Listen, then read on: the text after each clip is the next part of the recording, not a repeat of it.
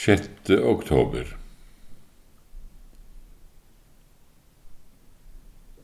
Fra Romerbrevets åttende kapittel og det 33. vers leser vi i Jesu navn.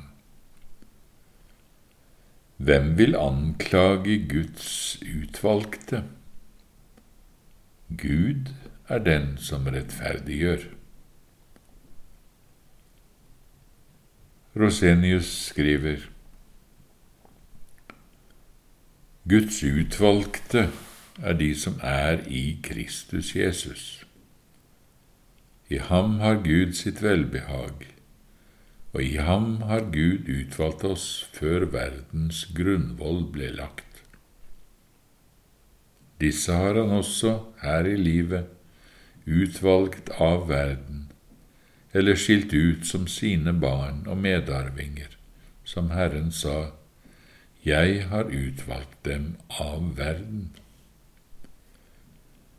Dette er den eneste sanne og helsosamme anvendelsen vi kan godta av ordet utvalgt. Den stemmer med alt Guds ord og skaper både trøst og gudsfrykt.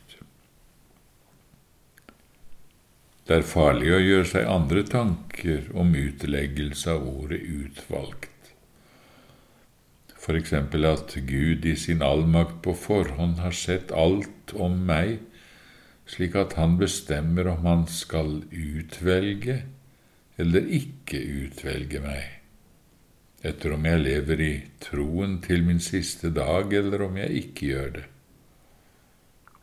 Dette ville være å bygge sin trøst eller sin uro på løse tanker og innbilninger og en altfor lettsindig tanke av en kristen i så hellig og alvorlig et spørsmål.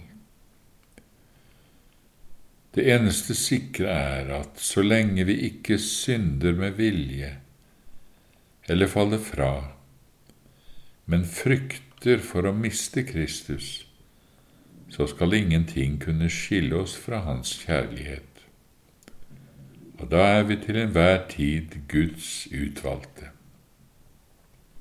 Peter sier, Dere er en utvalgt ett, på samme måte som Paulus her omtaler de troende som Guds utvalgte. Men han nevner likevel en annen og spesiell grunn for den trøsten at ingen skal kunne anklage disse, nemlig at Gud er den som rettferdiggjør. Og det viser at han i dette spørsmålet ikke bygger vår trøst på Guds allmektige forutseenhet, som alltid er skjult for oss. Rettferdiggjøre står i forhold til anklage, som en fullstendig motsatt handling. Når Gud rettferdiggjør, gjelder ingen anklage. Det er den trøsten apostelen gir oss her. Gud er den som rettferdiggjør. Gud er den eneste dommen. Gud er den vi har syndet imot. David sier, Mot deg alene har jeg syndet. Når så Gud rettferdiggjør, hvem vil da anklage? Hva betyr det da om hjertet eller samvittigheten anklager oss? Det ligger en særdeles sterk trøst i det forholdet som mange overser, at når Gud er den eneste vi trenger å frykte, er det samtidig Gud som rettferdiggjør, Gud selv som forsvarer oss, Gud selv som har lagt vår sak på sitt hjerte. Gud selv, som bruker så mange ord for å overbevise oss om hvor klippefast Hans nåde er. Tenk, Gud selv har helt fra evig av, e, evighet av besluttet, og når verden ble til, også forkynt, at Han ville selv gi oss en hjelp mot all synd. Og da tidens fylde var kommet, sendte han sin egen sønn for å oppfylle alt det loven ikke kunne utrette. Derfor rettferdiggjør Gud også alle dem som tror på Sønnen.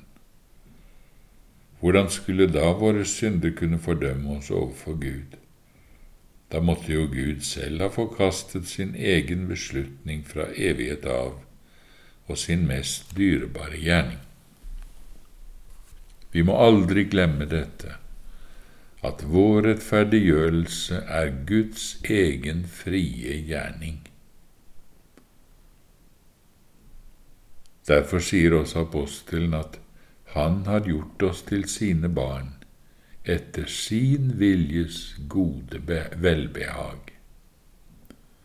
Og Herren selv sier, Jeg, jeg er den som utsletter din overtredelse for min skyld. Og det er ingen andre som kan sette en synder fri fra sin skyld og erklære ham rettferdig enn Gud alene. Det er bare Gud som rettferdiggjør. Hvordan skulle da noen anklage kunne gjelde mot dem som Gud rettferdiggjør? Her taler apostelen i samme trøstende og konsekvente tone som Kristus i lignelsen om arbeideren i vingården, der eieren av vingården sier, Kan ikke jeg gjøre som jeg vil med mitt eget? Om jeg vil gi denne en ufortjent gave, hva har da du med det? På samme måte vil apostelen også her si det er Guds eget frie valg å rettferdiggjøre hvem han vil. Og nå vil han rettferdiggjøre alle dem som tror på Sønnen. Han kler dem i guddommelig rettferdighet og avsier den dom at ingen synder skal tilregnes dem så de fordømmes. Hans dom går ut på at alle de synder som ennå plager dem, skal alltid være forlatt. Kan han ikke gjøre som han vil med sitt eget? Han alene er jo herre og dommer over menneskene. Om nå vi ikke helt forstår å verdsette Guds sønns fortjeneste, eller Guds rettferdiggjørende nåde høyt nok, så verdsettes den likevel høyt og dyrebart av Gud selv. Om mitt hjerte ikke fatter og forstår det Gud har gjort for oss i sin Sønn, men bare tenker på mine synder og regner med dem, så gjelder likevel ingen av delene noe som helst overfor Gud. Og når det ikke gjelder overfor Gud, men bare i mine følelser, i mitt vantro hjerte og mine meninger kan ingen av disse anklagene utrette noe som helst. Det kan bare en stund uroe meg, men kan ikke fordømme meg. Og det er dette apostel mener her når han sier, Hvem vil anklage Guds utvalgte? Gud er den som rettferdiggjør.